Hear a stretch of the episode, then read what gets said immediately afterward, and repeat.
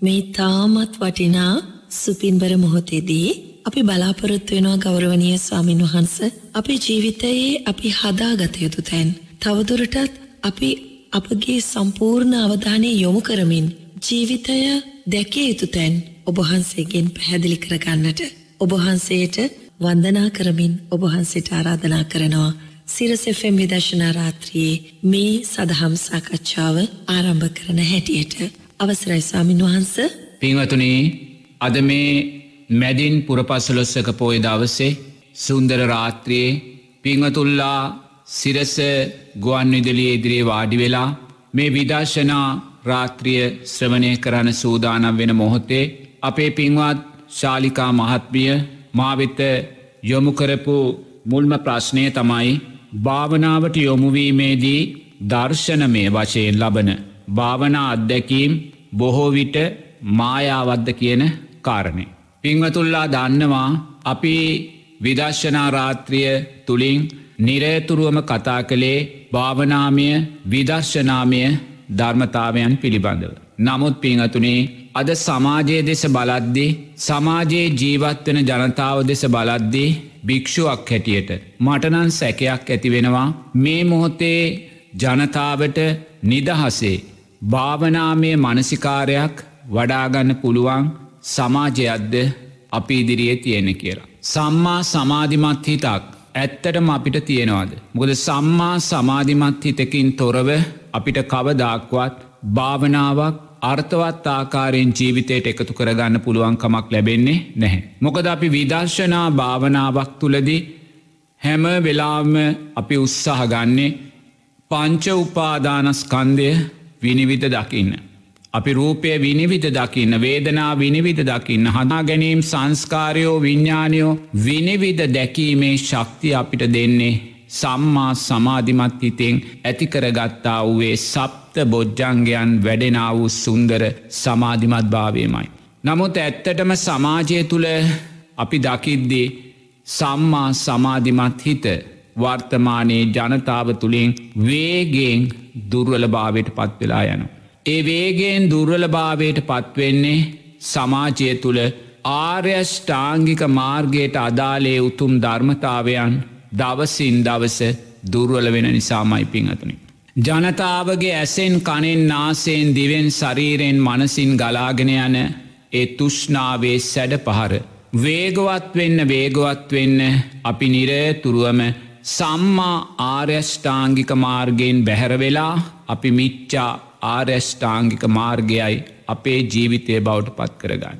එනිසා නිරේතුරුවම අපි දකින්න ඕනේ අපි විදර්ශනා භාවනාවක් ජීවිතයට එකතු කරගන්න නං අපි අනිවාර්යෙන්ම සම්මා සමාධිමත් හිතක් ඇති කරගන්න. ඒ සම්මා සමාධිමත් හිතක් ඇතිකරගන්න නං අනිවාර්යෙන්ම අපි තුළ සම්මා සතිය තියෙන්න ඕනේ. ධර්මය අධර්මය නිවැරදිව තේරුම් ගන්න. මග නොමග නිවැදිව තේරුම් ගන්න සීලේ දුස්සීලභාවය නිවැරදිව ඒ සම්මා සතිය තිබ්බොත් පමණයි අපිට සම්මා සමාධයක් සකස් වෙන්න.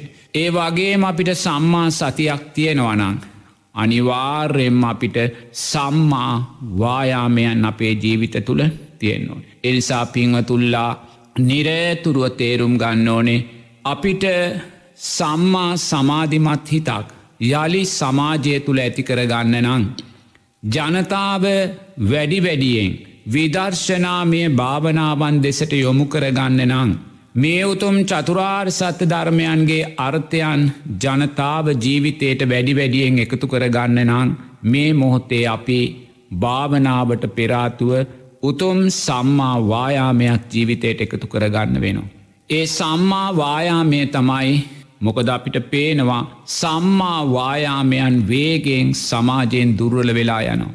කරන්නා වූ කුසල් තවතව ශක්තිමත්ව කිරීම. නොකලා වූ කුසල් අලුතෙන් කරන්න පටන් ගැනීම. කලා වූ අකුසල් නොකිරීම සහ නොකලා වූ අකුසල් නැවත සිදු නොකිරීම කියන මෙන්න මේ කාරණා සම්මා වායාමයන් බලවත් ආකාරයෙන් සමාජය තුළ දුර්වල භාවයට පත්වෙන.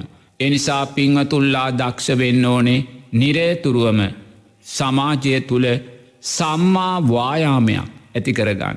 ඒ සම්මා වායාමය තමයි ජනතාව වේගෙන් මේ අකුසලේට යොමු කරන ජනතාව වේගෙන් මේ දුස්සීලභාවයට යොමු කරන ජනතාව වේගෙන් මේ පංච නීවරණයන්ට යොමු කරන පිංහතුනි මේ රටේ පවතින්න අවු මේ දුස්සීල දේශපාලනය පිංහතුනි යම් පමණකට නිවැරදි කරගන්න.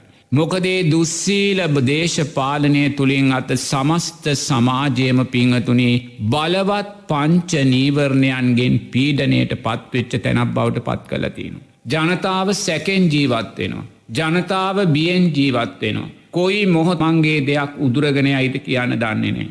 කොයි මොහොතේ තමන්ගේ දෙයක් නැතිවෙයිද කියන්න දන්නේනේ. කොයි මොහොතේ තමන්ව මංකොල්ල කයිද කියන්න දන්නේ නෑ. කොයි මොහොතේ තමන්ගේ ගෙදර හොරු බිඳීද කියල දන්නේ නෑ. කොයි මොහොතේ තමන්ගේ වාහනයක් කොරකං කරයිද කියල දන්නේ නෑ. එනිසා මනුස්සයා නිරේතුරුවම බියෙන් සැකෙන් විචිකිච්චාමෙන් ජීවත්වෙන ස්භාවයකට සමාජයේ පත් කල්ල තියෙන පිංහතුනි. මෙවැනි සමාජයක අපි භාවනාව ගැන හිතන් ඉස්සෙල්ලා මංහිතනවා අපි සිතිය යුතුයි සුන්දර සම්මා වායාමයක් පිළිබඳ. ඒ සම්මා වායාමය තමයි අප්‍රමාණ මනුස්සයින් අකුසල් කරගන්න සමාජයක් අපි ඉදිරියේ තියනවා. අප්‍රමාණ මනුස්සයින් සිල්පද බිඳගන්න සමාජයක් අපි ඉදිරියේ තියෙනවා. අප්‍රමාණ මනුස්සයින් තෙරුවන්ට අගෞරුව කරන සමාජයක් අපි ඉදිරියේ තියෙනවා. අප්‍රමාණ මනුස්සෙයින් සිල්පද බිඳගන්නා වූ අකුසල් මූලයන් වඩන්නා වූ සමාජයක් අපි ඉදිරියේ තියෙනවා. ඒ නිසා පිංහතුනි ඔබ දක්ෂ වෙන්න. ඔබ භාවනාවට කැමති කෙනෙක් වෙන්න පුළුවන් විදර්ශනාවට කැමති කෙනෙක් වෙන්න පුළුවන්. ඒ සියල්ලට කැමැත්ත තිබුණත් ඒ සියල්ල සිද්ධ වෙන්නනං මේ සම්මා සම්බුද්ධ ශාසනය ආරක්ෂාවෙන්න ඕනේ. මේ සම්මා සම්බුද්ධ ශාසනය ස්තුරක්ෂිත වෙන්න ඕනේ. මේ සම්මා සම්බෝද්ධ ශාසනය සුරක්ෂිත වෙනවා කියන්නේ චතුරාර් සත්‍ය ධර්මයන් සුරක්ෂිත වනායි කියන කාරණය ඇපිහතුනි. චතුරාර් සත්‍ය ධර්මයන් සුරක්ෂිත වෙන්න නං අනිවාර්යෙන්ම මේ ආර්යෂ්ඨාංගික මාර්ගය නිරේතුරුවම ජීවමාන වෙන්න ඕනේ. මල ආරෂ්ඨාංගික මාර්ගයකින් කවදක්වත් චතුරාර් සත්‍ය ජීවමාන වෙන්න පිංහතුනි. දුර්ලවෙල වෙන ආර්යෂ්ඨාංගික මාර්ගයක් තුළින් කවදක්වත් චතුරාර් සත්‍ය ජීවමාන වෙන්නේ නැහැ. එනිසා පිංහතුල්ලා දක්ෂ වෙන්න. සමාජය බලවත් ආකාරයෙන් වේගෙන් අකුසලය කරා යොමුවෙන මේ මොහොතේ. සමාජයේ බලවත් ආකාරයෙන් දුස්සීල භාවය කරා යොමුවෙන මොහොතේ ඔබේ ජීවිතයට සුන්දර සම්මා වායාමයක් එකතු කරගන්න.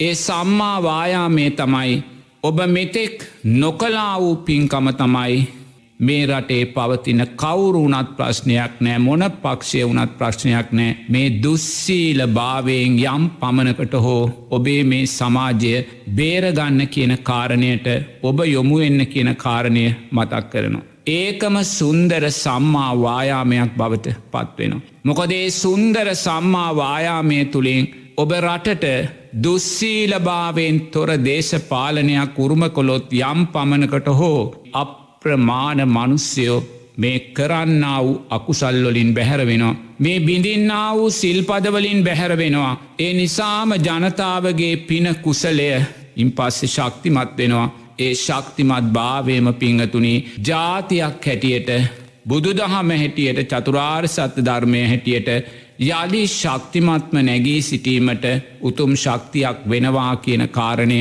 බොහෝම මෙස්සිතින් මේ සුන්දර පසලොස්සක පෝය දවස රාත්‍රියේදී විදර්ශනා රාත්‍රියෙන් සිහිපත් කරනවා. එසේ නොවී අපි ඒ සම්මාවාය උත්සාහ නොකර ඉට උපකාර නොකර පිංහතුනේ අපි භාවනාව ගැන කතා කරන්න ගියොත් මංහිතන්න ඒ භාවනාව දවසින් දවස දවසින් දවස පිංහතුනේ මිච්චා භාවනාවන් බවට පත්වෙන දිසාවටයි ගමන් කරන්න. මොකද ඉහලින් ආර්යෂ්ඨාංගික මාර්ගය දුර්වල් වෙන සමාජයක අපි භාවනාව තුළිනුත් අනිවාර්යම පිංහතුනේ සම්මා ධර්මයන්ට වඩා මිච්චා ධර්මයන් භාවනාවේ ආස්වාදය තමයි අපි අපේ ජීවිතයට එකතු කරගන්න. අනිත්තේ ආශ්වාදය තමයි අපි ජීවිතයට එකතු කරගන්න. එනිසා සමස්ත සමාජයම බෞද්ධයින් හැටියට මේ ආර්යෂ්ඨාංගික මාර්ගයේ වඩන පිංවතුල්ලා හැටියට. භාවනා වඩන පිංවතුල්ලා හැටියට පිංහතුනේ අපි නිරේතුරුවම ආස්වාදයට කොටු වෙලා ධර්ම මාර්ගය තුර සිරවෙලා සිටින පිරිසක් බවට අපි අද පත්වෙලා තියෙනවා. එනිසා අපි දක්ෂවීතුයි මේ මොහොතේ පිංහතුනි සුන්දර සම්මා වායාමයක් හැටියට මේ රටේ යම් දුස්සීල දේශපාලනයක් තියෙනවානං ඒ දුස්සීල දේශපාලනය සිල්වත් දේශපාලනයක් බවට පරිවර්තනය කරගන්න ජනතාව මංහිතන්නේ සූදානම් වෙන්න ඕන. එසේ නොවනොත් පිංහතුනි අපිට ගොඩාක් භාවනාව ගැන කතා කරන්න වෙන්නේ නෑ. මොකද ඒ තරමටම මනුස්ස සමාජය පංච නීවරණ විසින් ගිලගෙනයි තියෙන්නේ. සප්ත බොජ්ජංගයන් කියන කාරණය වේගෙන් සමාජයෙන් පිරිහිලා යනවායි කියන කාරණය මෙස්සිතින් සිහිපත් කරනවා. පින්වත් අපේ ශාලිකා මහත්මිය මට යොමු කළේ භාවනාවට යොමුවීමේදී විදර්ශනාමය වශයෙන් ලබන භාවනා අත්දැකීම් මායාවක්ද කියන කාරණය පිංහතුනේ සත්‍ය වශයෙන්ම භාවනාවට යොමුවීමේදී අපි ලබන දර්ශනමය වශයෙන් අපි ලබන අත්දැකීම් භාවනාවේදී අපි හඳුන්වන්නේ සමත විදර්ශනාවේ උපක්ලේශයන් කියල. සමත විදර්ශනාවේ උපක්ලේශයන් කියන කාරණයේදී අර සප්ත විසුද්ධි ධර්මයන්ගේ මේ ධර්මතාවය හොඳින් පැහැදිලි කල්ලති නො බුදුරජාණන් වහන්සේ අපි සීල විසුද්ධියෙන් චිත්ත විසුද්ධියට ඇවිල්ලා චිත්ත විසුද්ධියෙන් දිට්ටි විසුද්ධියට ඇවිල්ලා දිට්ටි විසුද්ධියෙන් අපි කංකාවතරන විසුද්ධියට එද්දී. මෙන්න මේ කංකාවතන විසුද්ධියේදී අපි මේ සමත විදර්ශනාවේ උපක්ලේශයන්ට අපි කොටුවෙනවා. ඒ සමත විදර්ශනාවේ උපක්ලේශයන්ට අපි කොටුවෙන්නේ කුමක් හේතුවෙන්ද භාවනාවේ ආස්වාදයට අපි යොම්වීම නිසා. කායානුපස්සනාවේ ආස්වාදයට වේදනානුපස්සනාවේ ආස්වාදයට චිත්තානු පස්සනාවේ දම්මානු පස්සනාවේ ආස්වාදයට අපි කොටු වෙනවා. එහමත් නැත්තං අපි මෛත්‍රයේ භාවනාවේ බුද්ධානුස්සති භාවනාව මේවැ ආස්වාදයට අපි කොටු වෙනවා. කොටු වනාට පස්සේ අපි සමතවී දර්ශනාවේ උපක්ලේශයන්ට අපි රැවටෙනවා. ඒ වගේ මයි අපි භාවනා කරන්න ගියාට පස්සේ අපි හිත සමාධිමත් වෙනකොට අපිට එක එක ස්භාවේ ආලෝක සංඥාවන් දර්ශනය වෙනවා. සුදුපාට නිල්පාට රතුපාට එක ඒක ප්‍රමාණයන්ගේ ආලෝක සංඥාවන්. අපි ඒ ආලෝක සංඥාවන්ට රැවටෙනවා. ඒ ආලෝක සංඥාවන් මමය මගේ මගේ ආත්මය කියලගන්න. ඒ ආලෝක සංඥාවන් තුළ මා සිටිනවා මා තුළේ ආලෝක සංඥාව තිබෙනවා කියලා අපි දකිනවා. ඒ ආලෝක සංඥාව මගේ භාවනාව කියලා අපි දකිනවා. එනිසාම පිංහතුනේ අපි ඒ සමත විදර්ශනාවේ උපක්ලේශයන්ට බැඳිලයනො. අපි දකින්න දක්ෂනෑ මේ ආලෝක සංඥාව කියන්නේ අනිත්‍ය වූරූපයක් කියලා. අපි දකින්න දක්ෂනෑ මේ ආලෝකය සංඥාව කියන්නේ පස්සය හේතුවෙන් සකස් වූ අනිත්‍ය වූ සිතක් කියල අපි දකින්නේ නෑ. ඒ රූපයේ අනිත්‍ය භාවය අපි දකින්නේ නෑ ඒ ආලෝක සංඥාව මමය මගේ කියල අපි ගන්නවා. ඒ නිසාම පිංහතුනී අපි සමත විදර්ශනාවේ උපක්ලේශයන්ට එතැදි බැඳිලයනො. ඒ වගේම තව කෙනෙක් දකිනවා. භාවනා කරද්දි තමන් පාවෙනවා උඩයනවා නොදැනී යනවා තමන් දකිනවා. අපි ඒ පාවී මුඩයෑම නොදැනීයාමට අපි බැඳිලයන. ඒ නොදැනීයාම තුළ මා සිටිනවා මා තුළේ නොදැනීයාම තියෙනවා කියල අපි දකිනවා. ඒ ආත්මීය දෘෂ්ටියෙන් මේ ධර්මතාවයන් ගැනීම නිසා අපි සමත විදර්ශනාවේ උපක්ලේශයන්ට අපි කොටුවෙනවා පිංහතුනි. ඒ වගේමයි අපි සමහර වෙලාවට භාවනා කරද්දී අපිට දිව්‍ය රූප පේනවා. අමනුස්ස රූප පේනවා. තිරිසන් සත්ව රූප පේනවා. භූතරූප පේනවා. අපි මේ දර්ශනයන්ට බැඳිලයනවා. මේ දර්ශනයන් නිත්‍යයි කියලගන්නවා ආත්මයි කියලගන්නවා. මේ දර්ශනයන් තුළ මා සිටිනවා මා තුළේ දර්ශනයන් තියෙනවා කියලා ආත්මීය දෘෂ්ටියෙන් අපියේ දර්ශනයන් ගන්න. ඒ නිසාම අපි සමත විදර්ශනාවේ උපක්ලේශයන්ට අපි කොටු වෙනවා. ඒ වගේමයි භාවනා කිරීමේදී අපි නිරේතුරුව වඩන්නා වූ ධර්මයන් අපිට භාවනාවේදී මතු කල්ල දෙන්න පුළුවන්. මම දැන් සෝවාන් පලට පත් වනා මම දැන් සකුරුදාගාමි පලට පත් වනා එම නැත්තන් තව කෙනෙක් කෙනවා මට බුදුරජාණන් වහන්සේ මැවී පෙනුණා. තව කෙනෙක් කෙනවා දෙවියෙක් ඇවිල්ල කිව්වා ඔබනන් දැන් සෝවාන් පලට පත් වනා කියලා. තව කෙනෙක් කෙනවා බුදුරජාණන් වහන්සේගේ රූපය මැවිල කිව්ව ඔබ සෝවාන් පලට පත් වනා කියලා. මේ සෑම දෙයක්ම සමත විදර්ශනාවේ උපක්ලේශය. අපි දක්ෂ වෙන්න ඕනේ. අපි භාවනාවක් කරන වෙලාවේ ඒ භාවනාවෙදි ලෝතුරා බුදුරජාණන් වහන්සේගේ රූපය දැක්කත් ඒ රූපය කායානු පස්සනාව තුළ විසරෝල දකින්න. ඒ රූපය අනිත්‍ය වූ රූපයක් අනිත්‍ය වූ සිතක් කියල ඒ රූපය දකින්න. අනිත්‍ය වූ දම්මානු පස්සනාවෙන් ඒ රූපය දකින්න. අනිත්‍ය වූ චිත්තානු පස්සනාවෙන් ඒ රූපය දකිින්. නමුත් අපි එහෙම දකින්නේ නැහැ අපි සමතවී දර්ශනාවේ උපක්ලේෂයන්ට අපි කොටුවෙන. එනිසා නිරේතුරුවම ඔබ දකින්න ඔබ භාවනාවේදී කිනම් දර්ශනයක් දැක්කත් ඒ සෑම දර්ශනයක් මාරමුණු වෙන්නේ අධ්‍යාත්මික රූපයක් බාහිර රූපයක් විඤ්ඥානයක් මුල් කරගෙනමයි. පස්සේ මුල්කරගෙනමයි ඒ සෑම දර්ශනයක් මොබ දකින්නේ. පස්සේ මුල්කරගෙනේ දකින දර්ශනයේදී ඔබ තේරුම් ගන්න ඕනේ පස්සය සකස් වනේ ඔබේ අනිත්‍ය වූ රූපය ඇසුරෙන්. ඔබේ අනිත්‍ය වූ රූපය ඇසුරෙන් සකස් වෙන පස්සය කවදාක්වත් පිංහතුනේ නිත්‍ය වෙන්න බෑ. මමය මගේ වෙන්න බෑ මොකද රූපය අයිති අවිද්‍යාවටයි පිංහතුනේ. රූපය අයිති අවිද්‍යාවට නං ඒ රූපේ පස්සය හේතුවෙන් භාවනාවේදී දකින කිනම් හෝ දර්ශනයක් වේවා ඒ සෑම දර්ශනයක් මයිති වෙන්නේ අවිද්‍යාවටයි පිංහතුනි. භාවනාවේදී ලෝතුරා බුදුරජාණන් වහන්සේ දැක්කත් ඒ රූපයත් අයිති වෙන්නේ අවිද්‍යාවටමයි පිංහතුනි. එනිසා ඔබ දක්ෂවියතුයි භාවනා කරද්දි ලෝතුරා බුදුරජාණන් වහන්සේගේ රූපය ඔබට මැවිල පෙවුණත් ඒ රූපය අනිත්‍යයි කියල දකින්න. පහන්සේගේ රූපය පිරිනිවන් මංචකේ විසිරිලා තියෙන පූජනී අලු ගොඩක් පූජනීය ධාතුන් වහන්සේලා ගොඩත් දකින්න. ඒ ධාතුන් වහන්සේලාත් කවදාහරි දවසක බාහිර සතර මහා ධාතුවටම මුහුවෙනවා කියලා නුවනින් දකින්න. බුදුරජාණන් වහන්සේගේ සුන්දර ඇසත් මහපොළවේ පසත් එකක් කල්ල දකින්න.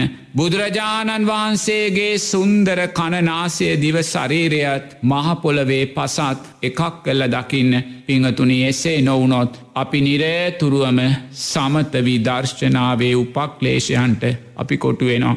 එනිසා ඔබ දක්ෂ වෙන්න භාවනා කිරීමෙදි පිංහතුනි භාවනාවට පෙරාතුව එකයි බුදුරජාණන් වහන්සේ ආරෂ්ඨාංගික මාර්ගය දේශනා කල්ල තියෙන්නේ. සම්මා දිට්ටියෙන් සම්මා සංකප්පයන්ගෙන් ඔබේ භාවනාව පෝෂණය වෙන්න ඕනේ. ඔබ සම්මා දිට්ටි ආර්ථයන් ජීවිතයට එකතු කර ගනිද්දි පිංහතුනේ පටිච්ච සමුපන්න උපත ගැන ඔබ හිතද්දේ ඔබ දන්නවා සංසාරයේ මම ඉරට අධිගෘහිත දෙවියන් වෙලා ඉපදිලා තියෙනවා. සංසාරයේ මම සඳට අධිගෘහිත දෙවියන් වෙලා මම ඉපදිලා තියෙනවා. පිංහතුනේ සංසාරයේ මම ඔය විදුලි කොටන විදුලියට අධිගෘහිත දෙවියන් වෙලා ඉපදිලා තියෙනවා. නමුත් පිංහතුනි එවන් සුන්දර ආලෝකයට අදාළ සංස්කාරයන් අපි ලැබුවත් ඒ සෑම සංස්කාරයක් මානිත්‍ය වුණා පිංහතුනේ. ඉරට අධිගෘහිත දෙවියන් වෙච්ච අපිට සඳට අධිගෘහිත දෙවියන් වෙච්ච අපිට භාවනාවේදී අපි දකින මේ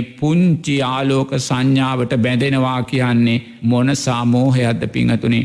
මේ පුංචි ආලෝක සංඥාව මමය මගේ කියල දකිනවා මට යම්හයකින් පුංචි හෝ ආලෝක සංඥාවක් දැකිද්දි මං ඊළඟ සිතෙන් දකින්න දෙයනේ මම සංසාරයේ ඉරට අධිගෘහිත දෙවියෝ වෙලා හිටිය නේද කියලා. සඳට අධිගෘහිත දෙවියෙක් වෙලා හිටිය නේද කියලා. එවන් නාලෝකයට අධිගෘහිතව ජීවත්වෙත් අපි පටිච්ච සමුපන්නව මේ ජීවිතේ භාවනාවේදී පුංචි ආලෝකයකට බැඳෙනවනං. ඒ පුංචි ආලෝකය මමය මගේ මගේ ආත්මය කියල ගන්නවනං පිංහතුනී එතන තියෙන්නේ සමත විදර්ශනාවේ උපක්ලේශයක් මයි. ඒ වගේමයි සංසාරයේ කොච්චරනං අපි සක්‍ර දෙවියන් වෙලා ඉන්න ඇද්ද. සුජම් පැතිය වෙලා ඉන්න ඇද්ද. ඒ වගේම වසවර්ති දිව්‍යපුත්‍රයා වෙලා ඉන්න ඇද්ද. නමුත් පිංහතුනි අතීතේ එවැනි මහා බලවත් සංස්කාරයන් ලබපු අපි මේ ජීවිතේ භාවනා කරද්දි අමනුස්සෙක් දැක්කොත් පිංහතුනී ඒක භාවනාවේ ජයග්‍රහණයක් ඇටියට මයි දකින්නේ. භාවනා කරද්දි දෙවියෙක් දැක්කොත් දෙවියෙක්ගේ දර්ශනය වුණොත් ඒක භාවනාවේ මහා දියුණුවක් ඇටියටයි අපි දකින්නේ. අපි මොහොතක්වත් දන්නෑ දෙයනේ මන් සක්‍ර දෙවියන් වෙලා හිටිය. ඒ සංස්කාරෙත් අනිත්‍ය වුණානං මේ භාවනාවේදී දර්ශනය වෙන දිව්‍ය රූපය අවිද්‍යාවමයි කියල දකින්නේ නෑ. සංසාරයේ මම අමුණුස්ස ලෝකවල ප්‍රත්පාතවත් අමනුස්්‍යයෝ වෙලා ජීවත් වනා එහෙව් මම මේ භාවනාවේදි දකින අමනුස්ස රූපය මමය කියලා ගත්තොත් මගේ කියලා ගත්තොත් පිංහතුනේ අපි කොයිසා දුරුවලද? මේ සියලු ප්‍රශ්න අපිට විසදල දෙන්නේ. උතුම් ලෞකික ප්‍රඥාවේ අර්ථයන්. ලෞකික ප්‍රඥාවෙනුයි අපි පටිච්ච සමුප්පන් උපත ගැන දකින්න පිංහතුනේ. එනිසා නිරේතුරු ඔබ දකින්න සමත විදර්ශනාවේ උපක්ලේශයන් සමත භාවනාවේදීත් විදර්ශනා භාවනාවේදීත් කියන කාරණා දෙකේදීම ඔබට මුණගැහෙන්න පුළුවන්. ඔබ මේ සමත විදර්ශනාවේ උපක්ලේශයන් ඔබ බිඳින්නේ ඔබේවා යටපත් කරගෙන නැගී හිටින්නේ කල්්‍යාන මිත්‍රාශ්‍රයෙන් මයි සද්ධර්ම ස්වනයෙන් මයි සද්ධර්ම ස්වනය නුවනින් මෙනෙහි කිරීමෙන් මයි කියන කාරණය ඔබ තේරුම් ගන්න ඕනේ. මොකද භාවනා කරද්දි සමහරවිට අපි භාවනාවේ ආස්වාදයට කොටුවනොත් පිංහතුනේ ආර්යෂ්ඨාංගික මාර්ගය නිවැරදිව වැඩීමෙන් තොරව අපි භාවනාවට යොමුණොත් භාවනාවේ ආස්වාදයට අපි කොටුවෙනවා භාවනාව නිසාම අපි මාන්‍ය කියන කාරණය ඇති කරගන්නවා සක්කාය දිට්්‍යය කියන කාරණය ඇති කරගන්නවා පිංහතුනි. මේ කාරණයේදී අපි කල්්‍යාන මිත්‍ර ආශ්‍රයට කැමති නැහැ. මම සියල්ල දන්නවා කියන තැන ඉන්නවා. මමයි සියල්ල දන්නේ කියල තැන ඉන්නවා. කල්්‍යාන මිත්‍රාශ්‍රයට යොමුුවෙන්නේ නැහැ. සමාර පින්වතුල්ලා සතර සටිපට්ටාන ධර්මයන් වඩනවා නමුත් අපි කිව්වොත් සතර සටිපට්ටාන සූත්‍රය ඇසරු කරන්න කියලා නෑ ඒ අවශ්‍ය නෑ කියන කියපු අවස්ථා මට මුණ ගැහිල තියෙන පිංහතුනි. ඒ කියන්නේ ඇයි කල්්‍යාන මිත්‍රාශ්‍රය ප්‍රතික්ෂේප කරනවා. ඇයි තමා තුළ වැඩෙන්න්නා වූ භාවනාවේ ආස්වාදය සක්කායදිට්ටියෙන් මමත්වේ දැඩිභාවෙන් අරගෙනයියේ පිංහතුන් ඉන්නේ. එනිසා ඔබ නිරේතුරුව දක්ෂ වෙන්න ඕනේ භාවනාවේදී සමත විදර්ශනාවේ උපක්ලේශයන් ඔබට කරදර කරනවනං පීඩා කරනවනං කල්්‍යාන මිත්‍රාශ්‍රය ලබන්න ඔොද අපිට පේනවා භාවනා කරන්න ගිහිල්ලා මානසික රෝගී භාවයට පත්වන අහිංසක තරුණ තරුණයන්ගේ ජීවිත අපිට හමුවෙලා තියනවා. ඒගොල භාවනාව නිසා මානසික රෝගී භාවයට පත්වෙනවා. ඇයි මානසික රෝගී භාවයට පත්වෙන්නේ සමත විදර්ශනා උපක්ලේෂයන් හඳුනගත්තේ නෑ පිංහතුනේ. ඒගොල උපක්ලේෂයන් මයි භාවනාව හැටියට දක්කේ. තව තව තව තව උපක්ලේෂයන් මයි පුහුණු කළේ. තව තව උපක්ලේෂයන් මයි දකින්න කැමති වුණේ. අවසානය නැවතුනේ මානසික වෛද්‍යවරයෙක් ළඟයි පිංහතුනේ. එනිසා ඔබ දක්ෂ වෙන්න ඕනේ භාවනාවේදී නිරේතුරුවම භාවනා ගැටලුවක් මුණගැහෙන වෙලාවේ එක්කෝ සතර සටිපට්ටාන සූත්‍රය කමටහනට ගන්න එක නැවත නැවත මෙනෙහි කරන්න භාවනාවට අදාළ සූත්‍ර ධර්මයන් එසේ නැත්තම් භාවනාවට අදාළ යහපත් ගුරුවරෙක්ගේ ඇසුරක් ජීවිතයට එකතු කරගන්න එසේ නොවනොත් පිංහතුනේ අපි භාවනාවේදී මේ අත්දකින්නා වූ දර්ශනයන් නිසා බලවත් අනතුරු කරා අපිට යන්න පුළුවන් කියලා මෙස්සිතින් සිහිපත් කරනවා. ස්වාමින්වහන්ස සමහර දෙනෙක් භාවනා කරද්දී තමන් ලබන අත්දැකීම් පිළිබඳව තවත් අය සමඟ තොරතුරු හෝමාරු කරගන්නවා. ඒක මේ සමාධිය වඩන ගමනේදී ඒ සිත වැඩීමේ කාර්යට ඒ ඒ දේවල් පලිබෝධයක් වෙනද අපේ ස්වාමින්වහන්ස. පින්වත් නෝන මහත්මිය මීළඟට මට යොමුකරු ප්‍රශ්නය වුණේ භාවනාව තුළින් කෙනෙක් ලබන ප්‍රගතිය තවායෙකුට කියා සිටීම භාවනාවට පලිබෝධයක්ද කියන කාරණය. පිංහතුනේ එතනි භාවනාව කියන කාරණයේදී අපි සමත විදර්ශනා කියන කාරණා දෙකම අපි ජීවිතයට එකතු කරගන්න. තුළින් තමයි අපි මේක දකින්න ඕනේ. එතෝට අපි වඩන්නා වූ විදර්ශනාමය භාවනාවකදී අපි නිරේතුරුව සතර සටිපට්ටාන ධර්මයන් තමයි ජීවිතයට එකතු කරගන්න. කාය චිත්ත ධම්ම වේදනා කියෙන සතර සටිපට්ටානයෝ එහෙම නැත්තං රූපවේදනා සංඥා සංකාර විඤ්ඥාන කියන මේ පංචුපාදානස්කන්ධ ධර්මයන්ගේ අනිත්‍ය භාවයන්. ඉති එවැනි අපි සතර සටිපට්ටාන ධර්මයන් පුහුණු කරනවනං අපි නිරේතුරුව සතර සටිපට්ටාන ධර්මයන් තුළ ජීවත් වෙනවනන්. අපි දක්ෂ වෙන්න ඕනේ හැම වෙලාම චිත්තානු පස්සනාව වේදනානු පස්සනාව දම්මානු පස්සනාව ජීවිතයට එකතු කරගන්න. එතෝට අපි චිත්තානු පස්සනාව නිරේතුරුවම ජීවිතයට එකතු කරගත්තනං අපි තුළ සකස් වෙන්න වූ සිතුවිලි. අපි තුළ සකස් වෙන්න වූ අදහස් අපි කවදක්වත් විතර් කරගෙන ඉදිරියට අරං යන්නේ නැහැ. බුදුරජන් වහන්සේ දේශනා කරනවානි සතර සටිපට්ටාන ධර්මයන් නිවැරදිව වඩන කෙනා. දින හතක් ඇතුළත උතුම් චතුරාර් සත්‍ය අවබෝධ කරන්න පුළුව. එසේ නොවනොත් සති හතක් ඇතුළට චතුරාර් සත්‍ය අවබෝධ කරන්න පුළුවන්. එසේත් නොවනොත් නැවත නැවත චතුරාර් සත්‍ය නිවැරදුව පුහුණු කරලා සතර සටිපට්ටාන ධර්මයන් වඩලා සති හතක් ඇතුළට ඊළඟට මාස හතක් ඇතුළට උපරිම අවුරුදු හතක් ඇතුළට උතුම් චතුරාර් සත්‍ය අවබෝධ කරන්නකි පුළුවන් කියලා බුදුරජන් වහන්සේ දේශනා කරන. ඉති එහෙමනං අපි විදර්ශනාමය භාවනා වඩද්දී අපි දක්ෂවෙන්න ඕනේ නිරේතුරුවම උපරිම වසර හතක් කියන කාරණය ඉලක්කය කරගත්තත්. පිංහතුනී අපි දක්ෂ වෙන්න ඕනේ වීරයෙන් යුතුව නිවැරදිව මාර්ගය පුහුණු කරන්න. අපි භාවනා කරන්නේ අපේ ප්‍රගති අපි අනුන්ට කිය කියා ඉන්න නෙමේ. අපේ ප්‍රගති අපි අනුන්ට කියන්න යනවනං එතනදිම අපි ආස්වාදය විසින් ගිලගත්තා වෙනවා. එතනදිම අපි පංචනීවරණයන් විසින් ගිලගත්තා වෙනවා. එනිසා භාවනා කරන කෙනා දක්ෂවයුතුයි භාවනා කිරීමේදී තමන්ගේ හිත විදර්ශනාත්මකෝ වැඩෙන ස්භාවයන් එක එක්කනාට කියන්න යනවායි කියෙන කාරණය විදර්ශනා භාවනාවෙදිනං අදාළ වෙන්නේ නැහැ. යමෙක් තමන්ගේ භාවනාවේ ප්‍රගතිය ඒ ගුරුවරයාට හැර අනිත් ඇයට සමාජයකී කියනවනං එතන තියෙන භාවනාවේ ආස්වාදයක්. එතන තමා චිත්තානු පස්සනා උපයෝගී කරගත්තේ නැහැ. වේදනානු පස්සනා උපයෝගී කරගත්තේ භාවනාව තුළින් සකස්වන සැපවේදනාවන් නිත්‍යයි කෙළයා ගන්න. ඒ නිත්‍යයි කෙලාරගෙනේ සැප වේදනාවන් තුළින්ගේ ආස්වාදය ලබනු.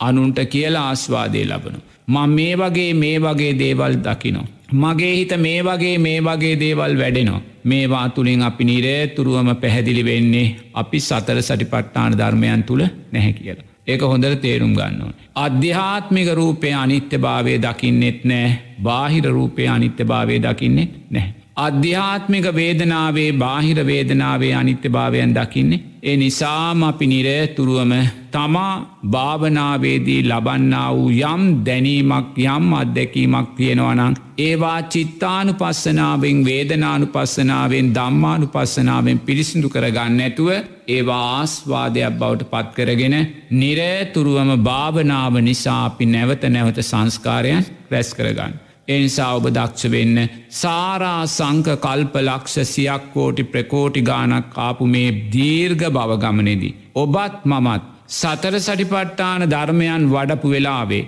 පංච උපාදානස්කන්දයන් අනිත්‍යභාවය වඩපු වෙලාවේ. සමත භාවනාවන් වඩපු වෙලාවේ. එරමිනිිය ගොතාගෙන හිටපු කාලය එකට ගත්තොත් කල්ප ගානක් අපි එරමිනිිය ගොතාගෙන ඉඳලා තියෙන.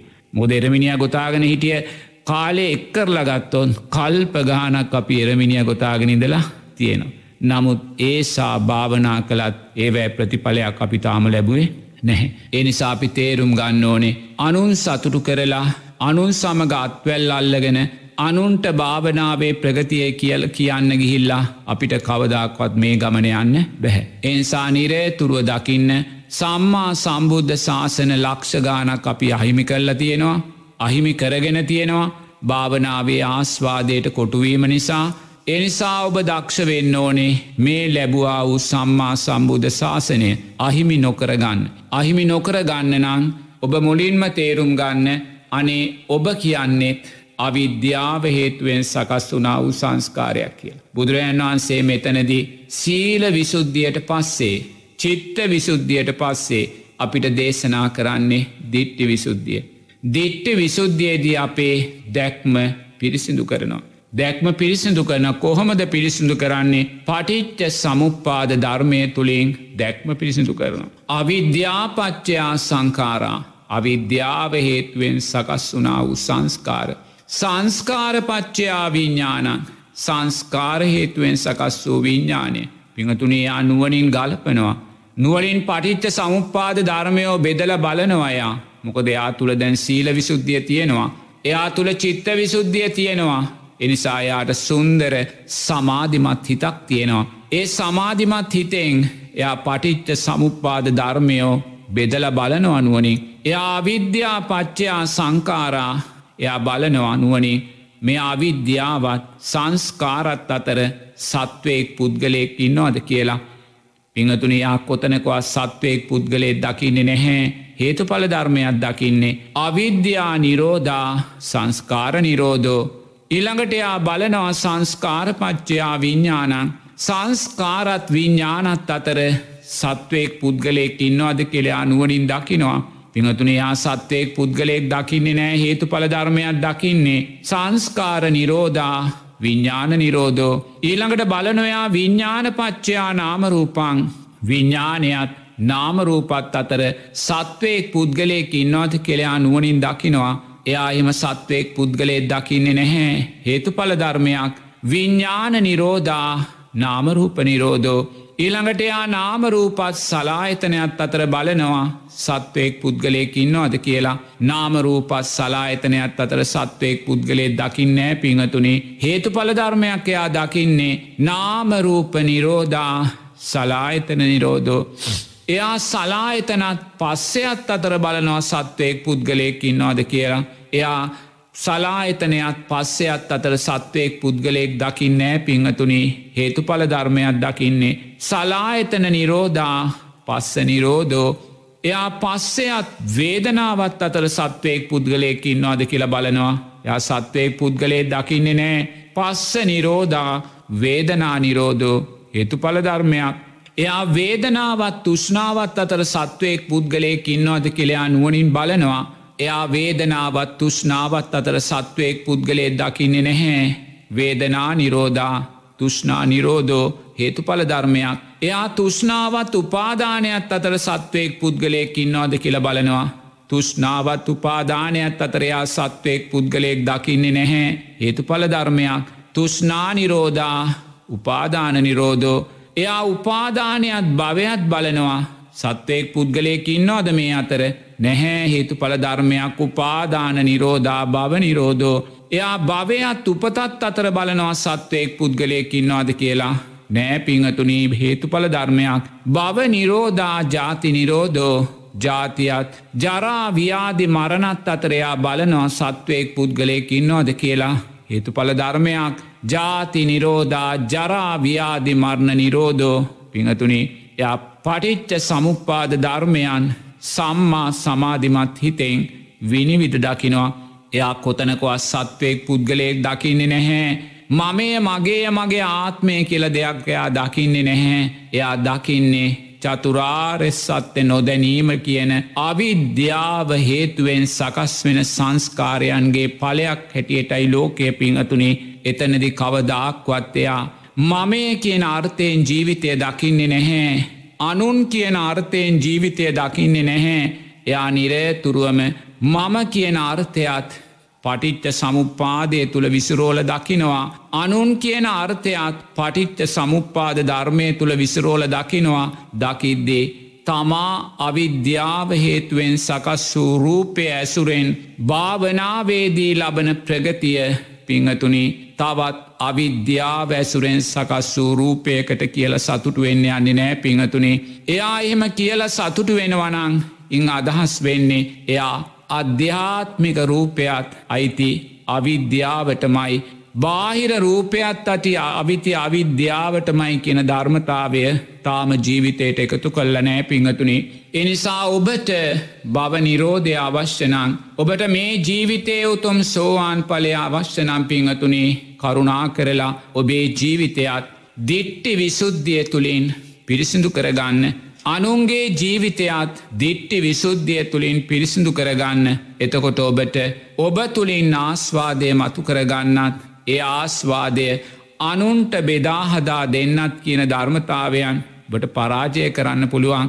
ඔබට ඔබේ රූපය සිහිපත්වෙද්දී ඔබට සිහිපත්වෙන්නේ අවිද්‍යාව කියලා. ඔබට අනුන්ගේ රූපයන් සිහිපත්වෙද්දී සිහිපත්වෙන්නේ අවිද්‍යාව කියල පිංහතුනේ මමය මගේ අනුන් අනුන්ගේ කියල ඔබට සීපත් වෙන්න හැ රූපය අයිති අවිද්‍යාවට නං අවිද්‍යාවට යමක් කියලා ආස්වාදය ලබන්න බැහැ පිංහතුනේ.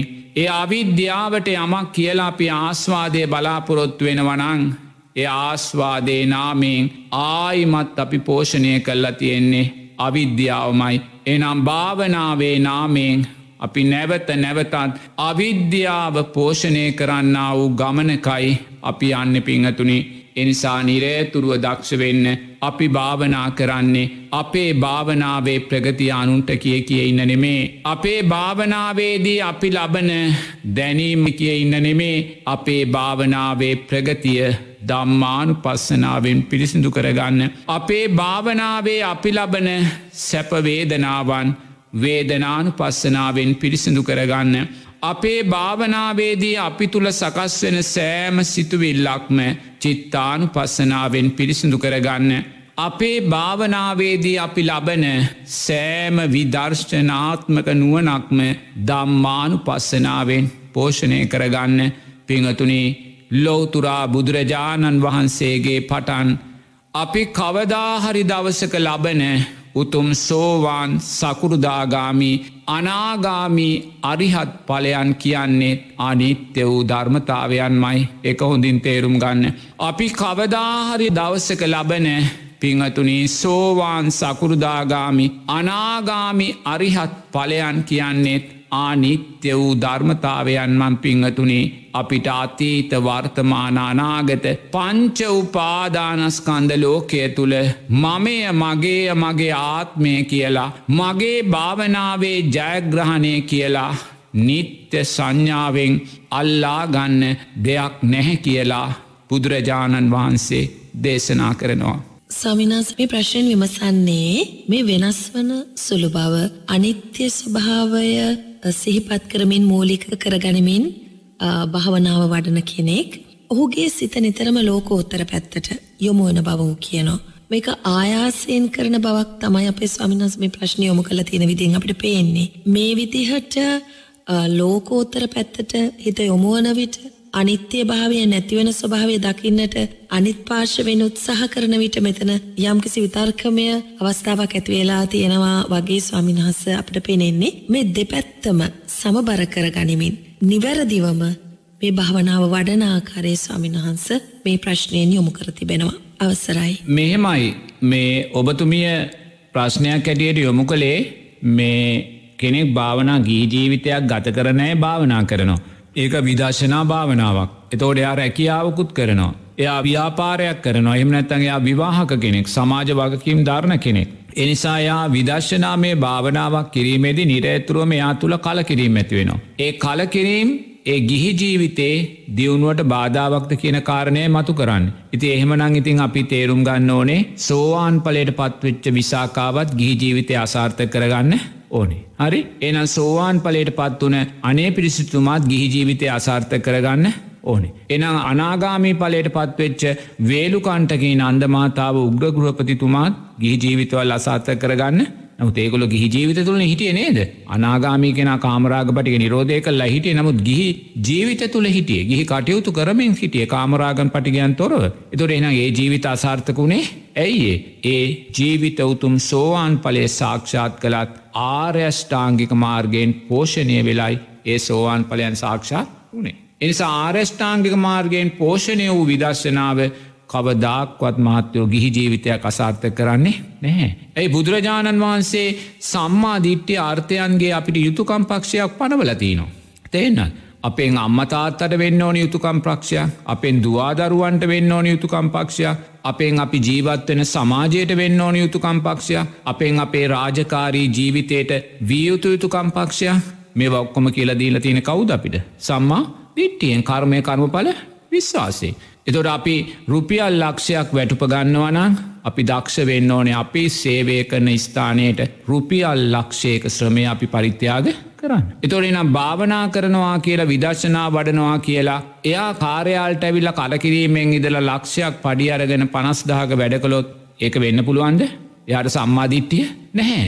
සම්මාධිට්්‍යය නෑ ඉතගේ සම්මාධිට්්‍යය නැති නිසා එයාගේ වැඩිලතින අනිත්‍ය සම්මානිත්‍යයක් මෙම ඒක මිච්චා අනිත්‍යයක්. ඒ මිච්චා අනිත්‍ය ආර්ෂ්ඨාංගික මාර්ගය තමාගේ ජීවිතය තුළින් ප්‍රකට කරන්නේ නැහැ. තියෙන දැන් සාරිපුත්ත මහරහතන් වහන්සේ උතුම් චතුරාර් සත්‍ය අවබෝධ කරපු උත්තමේක්.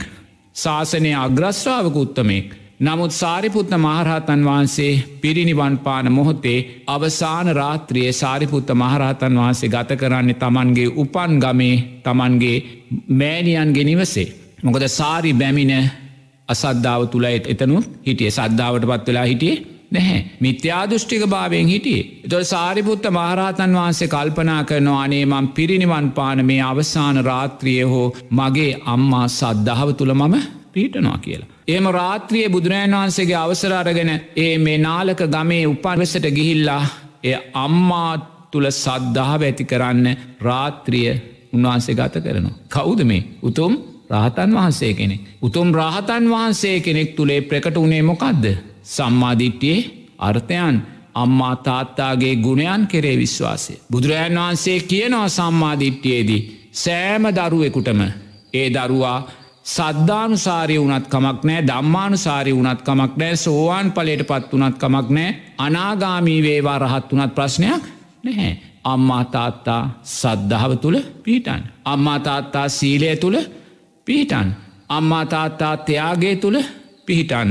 අම්මා තාත්තා ප්‍රඥාව තුළ එතොඩේ සාරිපුත්ත මහරහතන් වහන්සේ පිරිනිවී යන අවසාන රාත්‍රියයේ බුදුරජාණන් වහන්සේගේ සම්මාධිට්ටිය අර්ථයයි ලෝකෙට ශක්තිමත්ව ප්‍රකට කළේ. එන විදර්ශනාව බාධාවක් වුණාද විදර්ශනා බාධාවක් වුණේ නැහැ. කවුරුවරි කියනවනම් විදර්ශනා භාවනා කරද්දේ මගේ අධ්‍යාපන කටයුතු දියුණු වෙනවා කියලා මන්නන් එක පිළිගන්නේ. තේන්න. නමුත් අද තරු ඇවිල් අපින් විදර්ශනාව ගැනහනවා මංකින පුතේ අනේ කරුණා කරලා ඔබ විදර්ශනාවට යොම වෙන කලබල වෙන්න එපා මොකොද ඔබ තාම අධ්‍යාපනය ලබනවා. මොකද මන් දන්නවා මේ දරුවා තාම ආරෙෂ්ඨාංකික මාර්ගය ශක්තිමත් කරගෙන එහෙම කොළොත් එහ දරුවාට විදර්ශනය අනතුරක්ම විදර්ශනාව අනතුරක් බවටම පත්වන මොකොදේ කලකිරීම තුළ එය අධ්‍යාපනය දුර්වල කර නමුත් එයා දකින්නේ නෑ අධ්‍යාපනය ලැබීම කියන කාරණය සම්මා දිට්ටි ආර්ථයන්ට අදාළ ධර්ම මොකද දෙමාපියන් දරුවෙකුට අධ්‍යාපනය ලබල දෙද්දී දරුවා දක්ෂවීතුවේ අධ්‍යාපනය තමන්ගේ ජීවිතයට එකතු කර ගන්න මොකද බුදුරජන් වහන්සේ දෙමාපියන්ට පනවඩ එක යුතුකමක් තමයි දරුවාට ශිල්පශාස්ත්‍ර කියල දීලා. දරුවා සමාජකත කරන්න ඕන. දරුවාට සමාජයේ ජීවත්වීමේ මාර්ග සකස් කල දෙන්න ඕන තියන්න ඒක අම්මතාත්තාගේ යුතුකමක් තියන්න. එනිසා දරුවා නිරේතුරුවම අධ්‍යාපන ජීවිතයේදී තමන්ගේ අධ්‍යාපනය දක්ෂාකාරයෙන් නිසියාකාරයෙන් කරගන්නවා කියන විශ්වාසය තුළේ කටයුතු කරන්න එක බුදුරජන් වන්සේ පැන උධර්මතාවයක්. එහෙම නැවුණොත් අපි අම්මා තාත්තට අකීකරු කෙනෙක් බවට අම්මතාත්තා සල්ලි වියදං කළ දරුවව උසස් අධ්‍යාපනයක් ලබල දෙනවා. දරුවා අනිත්‍ය වඩනවා කියලා අධ්‍යාපනය දුර්වල කර එතෝට එයා කාගෙ හිතද රිද්දුවේ. අම්මා තාත්තා කියන මහා බ්‍රහ්මයාටයි එයා අවඩක් කළේ නේද. දෙතොට සම්මාධිට්්‍යය තියෙන දරුව එක එක කරන්නේ නැහැ සම්මාධිට්්‍යය තියෙන දරුවා ආර්යෂ්ඨාංගික මාර්ගයෙන් පෝෂණය වූ අනිත්‍ය වඩන දරුවා. දක්ෂයි අම්මාතාත්තාවත් සතුරු කරගෙන තමන්ගේ අධ්‍යාපනයත් ශක්තිමත් කරගෙන මේ සියලු සංස්කාරයෝත් අනිත්‍යයි කියල දැකලා විදර්ශනාවත් ජීවිතයට අන්න එතනයි තැනේ අම්මතාත්තා දුකට පත් කළේ නෑ අම්මාතාත්තාගේ බලාපොරොත්තුවලට අදාළුව හොඳින් අධ්‍යාපනය ලැබවා. අම්මතාත්තා වියදං කරපු සල්ලිවලට ද්‍රෝහයුනේ නැහැ. තේන රම්මාතාත්තාගේ අනාගත බලාපොරොත්තුව දෝහයුනේ නැහැ. තමන් අධ්‍යාපනයට ශක්තිමත් වුණා. තමන් විදර්ශනා ධර්මයනු ජීවිතයට එකතු කර ගත්තා. අන්න ආර්යෂ්නාංගික මාර්ගයෙන් පෝෂණය වූ අනිත්‍යය එතෝට ඒක ඇවඩක් වුණාද අවඩක් වුණේ නැහැ. තේන්න. එනිසා මොනම හේතුවක් නිසාවත් ආර්යෂ්ඨාංගික මාර්ගයෙන් පෝෂණය වුණා වූ අනිත්‍ය සංඥාව ඒ යන කවදාක්වත් අපිට ගිහි ජීවිතේ අපි අමාරුවදාන්නේ ගිහි ජීවිතය අසාර්ථක භාවයට පත් කරන්නේ නැහැ. තේනත්. එතකොට තමන් ගිහි ජීවිතයේ සාර්ථක කරගෙන. තමන් අධ්‍යාපනය නිවැරදිව ලබලා අම්මතාත්ත සතුරු කරලා සතර සටිපට්ටානයෝ ජීවිතයට එකතු කරගෙන යා විදර්ශනා නුවනත් ඇති කරගත්තා. ඇති කරගත්තට පස්සේ අන්න බුදුරජන් වහන්සේ කියනවා එයාට දැන් කලකිරීම ඇති වෙලාන අන්න බුදුරන් වහන්සේ තැන්දි අපිට පනවනවා ධර්මයක් මොකක්ද අම්මතාත්තගේ අවසරය ඇතු අපිට පැවිදි වෙන්න පුළුව හරිනේ තුර අම්මා තාත්තා අපිට අවසර දෙන්න ඇත්තං ඉති අපි දක්ෂ වෙන්න ඕනේ විදර්ශනා වැඩුව කෙනා ඒ දෙන්න ඇති හේතුවට යටත් වෙන්න. අමතාතට අකීකරු වෙලා බලෙන් පැවිදි වෙන්න යන්නේ ඇයි එහෙම ගිහානං එයා සම්මාධිට්්‍යයට ගරු කලාද සම්මාධිට්්‍යයට ගරු කළේ නැහැ. ඉති ඒ සම්මාධිට්්‍යයට ගරු කළේ නැත්තේ ඇයි එයාගේ විදර්ශනාව සම්මා විදර්ශනාව බවට පත් වෙලා තුවෙන් අපි තේරුම් ගන්න ඕන. දැන් කෙනෙක් විවාහ ජීවිතයක් ගත කළනවා නං ඒ විවාහ ජීවිතය ගත කරන දෙන්න එක්කනෙ භාවනා කරනවා. භාවනා කරනවා එයා භාවනා කරලාට එයා අනිත්‍ය සංඥාව වැඩෙනවා. නමුත් එයා දන්නේ නෑ එයා ඉන්නේ අනිත්‍ය ආස්වාදය තුළයි කියලා. එක ආස්වාදය කළයා දකින්නේ නැහැ. ඒ නිසා මෙයා කියනවා මම පැවිදිවෙන්න යන්න ඕනි කියලා. බිරිඳට කියනවා මේ ළඟදි මට නෝන කෙනෙක් ඇවිල්ල කියනවා මේ පුංචි දරුවෙක් එක් අවුරුදු තුනක නැත්තං හතරක දරුවෙක් එක් අම්මයි ඇවිල්ල යාගේ ආච්චි මට ඇවිල්ල කියනවා සාමීන් වහන්ස මගේ මහත්තයා පැවිදි වෙන්න යන්න ඕනේ කියලා අවසර ඉල්ලවා මන් දෙන්න බැහැකිව මොකොද දරුවට අවුරුදු හතරයි. දෙන්න බැහැකිවේ දවසේ ඉඳං හැමදාමත් ගෙදර රණ්ඩු. එහි අවසර ඉල්ලලා. රණ්ඩු වෙලා බැනගෙන ඉතින් ප්‍රශ්න වෙලා බැරිම තැන නෝන අවසර දුන්න. ඒ සම්මා පැවිද්දද්ද ආර්යෂ්ඨාංගික මාර්ගය වැඩිලා නැහැ. මොකදයා රණ්ඩු කරලා බලවත් මානසික පීඩනයකට තමන්ගේ බිරිඳ පත් කරලයි එයා පැවිද්දට අවශ්‍ය අවසරේ එතන එයාගේ ඔය කියන භාවනාවට සම්මාධිට්්‍යය පෝෂණය වුණේ නැහැ. එනිසායත් තේරුම් ගන්න ඕනේ තමා තුළ වැඩෙන අනිත්‍ය ආර්යෂ්ඨාංගික මාර්ගයෙන් පෝෂණය වෙලා නැහැ. ගොද බුදුරජාණන් වහන්සේගේ කාලෙනං නන්දකුමාරය හිට කසාද බඳින් හිටිය බුදුරජන් වහන්සේ එක්කං හිල පැවිදි කලා. ඇයි බුදුරජන් වහන්සේ දන්නවා නන්දකුමාරයක් ජනපද කල්්‍යයානිය දෙදෙනම උතුම් රහත් පලට පත්වෙනවා කියලා. බුදුරජාණන් වහන්සේ අතීතේ ව්‍යහවෙච්චය ගිහිල පැවිදි කලා තරුණ වයිසදිම. ඇයි බුදුරජන් වහන්සේ දන්නවානි වාර්යම මේ අවුතුම් චතුරාර් සත්‍යය අවබෝධ කරනවා කියලා. ඒ දැක්ම බුදුරජන් වහන්සේට තිබ්බා නමුත් වර්තමානය මහත්ව අපිටේ දැක්මවල් නැහැ එනිසා අපිට කියන්න බෑ කෙනෙක් සෝවාන් වෙයිද සකෘදාගාමීද අනාගාමිවේද කියන්න අපි දන්න නැහැ. තේන එනිසා අපි හැම වෙලාම ආර්යෂ්ඨාංගික මාර්ගයට අනුගතවයි අපේ භාවනාවේ අත්දැකීම් අපි ප්‍රයෝජනයට ගන්න ඕනි. ඒක හොඳට තේරුම් ගන්න ඕන. එනිසා අපි ආර්යෂ්ඨාංගික මාර්ගය අපිට කියල තියෙන ධර්මතාවයන් විකෘතියක් බවට පත් කරගෙන. එකැන අම්මාතාත්තාට අකීකරුවමින් තමන්ගේ බිරිඳට සාම්පුරුෂයාට අකීකරුවමින් අපි පැවිදි තීරණ ගන්නවනං ඒ පැවිද්ධ තුළ සම්මාධිට්්‍යය නෑ ඒක හොඳට තේරුම් ගන්න ඕනේ. එනිසා අපි දක්ෂ වියතුයි අපි භාවනාව සැබෑ සම්මා සමාධිමත් හිතකින් වඩන භාවනාවක් නං එක සම්මා භාවනාවක් නං ඒ භාවනාව තුළින් යම් කලකිරීමක් අපි තුළ ඇතිවුණාද ඒ කලකිරීම ක්‍රියාත්මක භාවයට පත්වෙලා පැවිදි ජීවිතයට යොමු එන්න නං අනිවාර්යෙන්ම අපි ආර්යෂ්ඨාංගික මාර්ගයේ ශක්තිය තිළුණුයි ඒ කටයුතු කරගන්න ඕනේ. ආර්යෂ්ඨාංගික මාර්ගයේ ශක්තිය බැහැර කරලා අපි අපේ හිතුමනාපෙට අපි තීන්දු තීරණ ගත්තොත් ඒ කියන්නේ අපිට වැඩිලා තියෙන අනිත්‍ය සම්මානිත්‍යයක් එය අනිත්තේ ආස්වාදයක්. සමත විදර්ශනාවේ උපක් ක්ලේෂයන්. එනිසා නිරේ තුරුවම කෙනෙක් කියනවනං විදර්ශනාව වැඩීම තුළ අපේ ගී ජීවිතයට බාධයනවා කියලා මම නංඒක විශ්වාස කරන්නේ. විදර්ශනා වැඩීම තුළ අපේ ගිහි ජීවිතය තව තව ශක්තිමත් භාවයට පත්වෙනවා. තවතවත් ආලෝකමත් භාවයට තව තවත් අර්ථවත් භාවයට අපි පත්වෙනවා. ඔබ අනිත්‍ය සංඥා වඩනවනං ඔබ කවදාක්වත් ගෙදර බිරිඳගෙන් වචනයක් වැරදුනා කියලා ඔබ කේන්ති ගන්නේ නැහැ. ගෙදර බිරිඳගෙන් ව්‍යම් වැරැද්දක් සිද්ධ වනා කෙල ඔබ කවදක්වත් ගැටෙන්නේ නැහැ. ඔබට සමාජයෙන් යම් වරදක් වනා කෙල ඔබට කවදක්වත් ගැටෙන්න යන්නේ නැහැ. නිරතුරුව මේ ධර්මතාවයන්නේයා චිත්තානු පස්සනාවෙන් දම්මානු පස්සනාවෙන් වේදනානු පස්සනාවෙන් පිරිසිදු කරගෙන ජීවිතයට යා නැවත නැවත මුහුණ දෙනවා. එනිසා මොනම හේතුවක් නිසාවත් ඔබ විදර්ශනා භාවනා වඩන කෙනෙක් නං ගිහි ජීවිතේ ඇතිවෙන ගැටලුවලට ගැටෙන් එපා කලකිරීම් නිසා ගිහි ජීවිතේ දුර්වල කරගන්න එපා ඔබේ වගකීම් පක්ෂය ඔබ අකුරට ඉටු කරන්න. තෙරුවන්ට වියතුවක්කීම් පක්ෂයක් තියනවා දැන් සමාරු භාවනා කරනවා කියලා පන්සල්යන්න ඇතිය ඉන්නවා. බුද්ධ පූජාව තියන්නේ බුද්ධ වන්දනාව කරන්නේ අපි භාවනා කරනවා. සංඝයාට වඳින්නේ නෑ පන්සල්ට දානවේලත් දෙන්නේ නැහැ ඉති මහත්ත ඔය වැඩිල තියෙන විදර්ශනාවද. සම්මා විදර්ශනාවද. ඒ සම්මා විදර්ශනාව තුළ ආරෙෂ්ටංග මාර්ගඇත්තිනවා. ඒව නැහැ.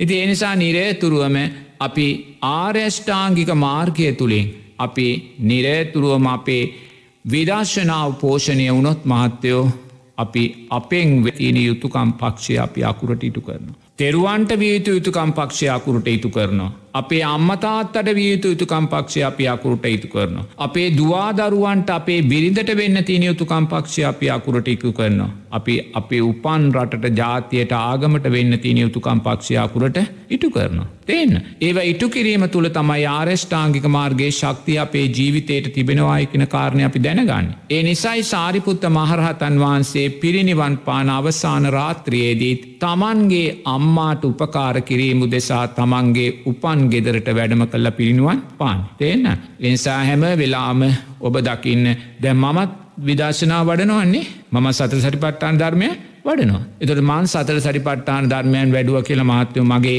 භික්ෂුවක් හැටියට මගේ සාමීචි පටිපන්න ගුණයට බාධාවක් වෙලා තියෙනවද. ජනතාව උදෙසා දායක පින්වතුන් උදෙසා මම කරන්න තියෙන සෑම යුතුකමක්ම මට පුළුවන් ශක්ති ප්‍රමාණය කරන. ඉති ඇයි ඒ කරන්නේ. එක සම්මාධිට්ටියේ අර්ථයක්. එක සම්මා සංකප්පයන්ගේ අර්ථයක්. එක බුදුරජාණන් වහන්සේ අපිට පනවල තියෙන සාමීචි පටිපන්න ගුණේ අර්ථයක්. තියන්න. ඉතිේ නිසා අපි අපි ධර්මය තුළ ජීවත් වෙලා අපි ලෝකයාටත් ධර්මය කියලා දෙනවා. අපි මාර්ගය තුළ ජීවත් වෙලා ලෝකයාටත් මාර්ගය කියලා දෙනවා.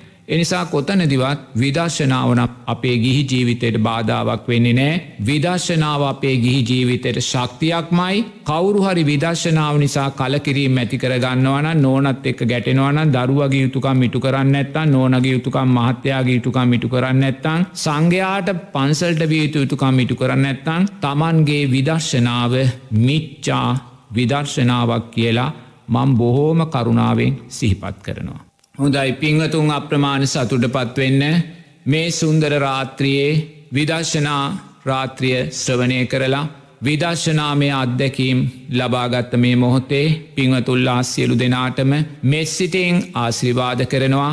මේ මොහොතේ සිරස ගුවන් විදිලි ඉදිරියේ වාඩි වෙලා මේ සුන්දර ධර්මය ශ්‍රවණය කරපු පිංවතුල්ලා සියලූම දෙනාටත් දැකබලා සතුටුනා වූ සියලු දෙනාටත් ගම්වාසී රටවාසී සිරු දෙනාටත් ඒවගේම උත්තරීතර මහානායක සාමීන් වහන්සේලා ඇතුළු සියලූම වන්දනිය මහා සංගරත්නයටත් මේ පින් නිදුක් නීරෝගේ සුවපත්භාවය දීර්ඝායුෂ උතුම් චතුරාර් සද්ධර්මයෝ දැකීමට මේ පින් උත්තම ශක්තියක් වේවා කියලා මෙස්සිතිං ආශ්‍රිවාද කරනවා. ඒ වගේම ඒ උපකාරක ධර්මයන් සකස්කොරදුන් පින්වත් ශාලිකා රණසිංහ මහත්මියටත් පින්වත් සාරධ මහත්මයාටත් ඒ වගේම සිරසගුවන් විදිලියේ ප්‍රධානී පින්වත් සජිත්‍රත්නායක මහත්මයා ඇතුළු කාර්යමණ්ඩලේ සිරු දෙනාටත් මේ පින් නිදුක්නීරෝගේ සුවපත්භාවය දීර්ඝාශ උතුම් චතුරාර් සද්ධර්මයෝ දැකීමට මේ පින් උත්තම ශක්තියක් වේවා කියලා මෙස්සිතිං ආශිරිවාද කරනවා පිංවතුල්ලාට තෙරුවන් සරණයි.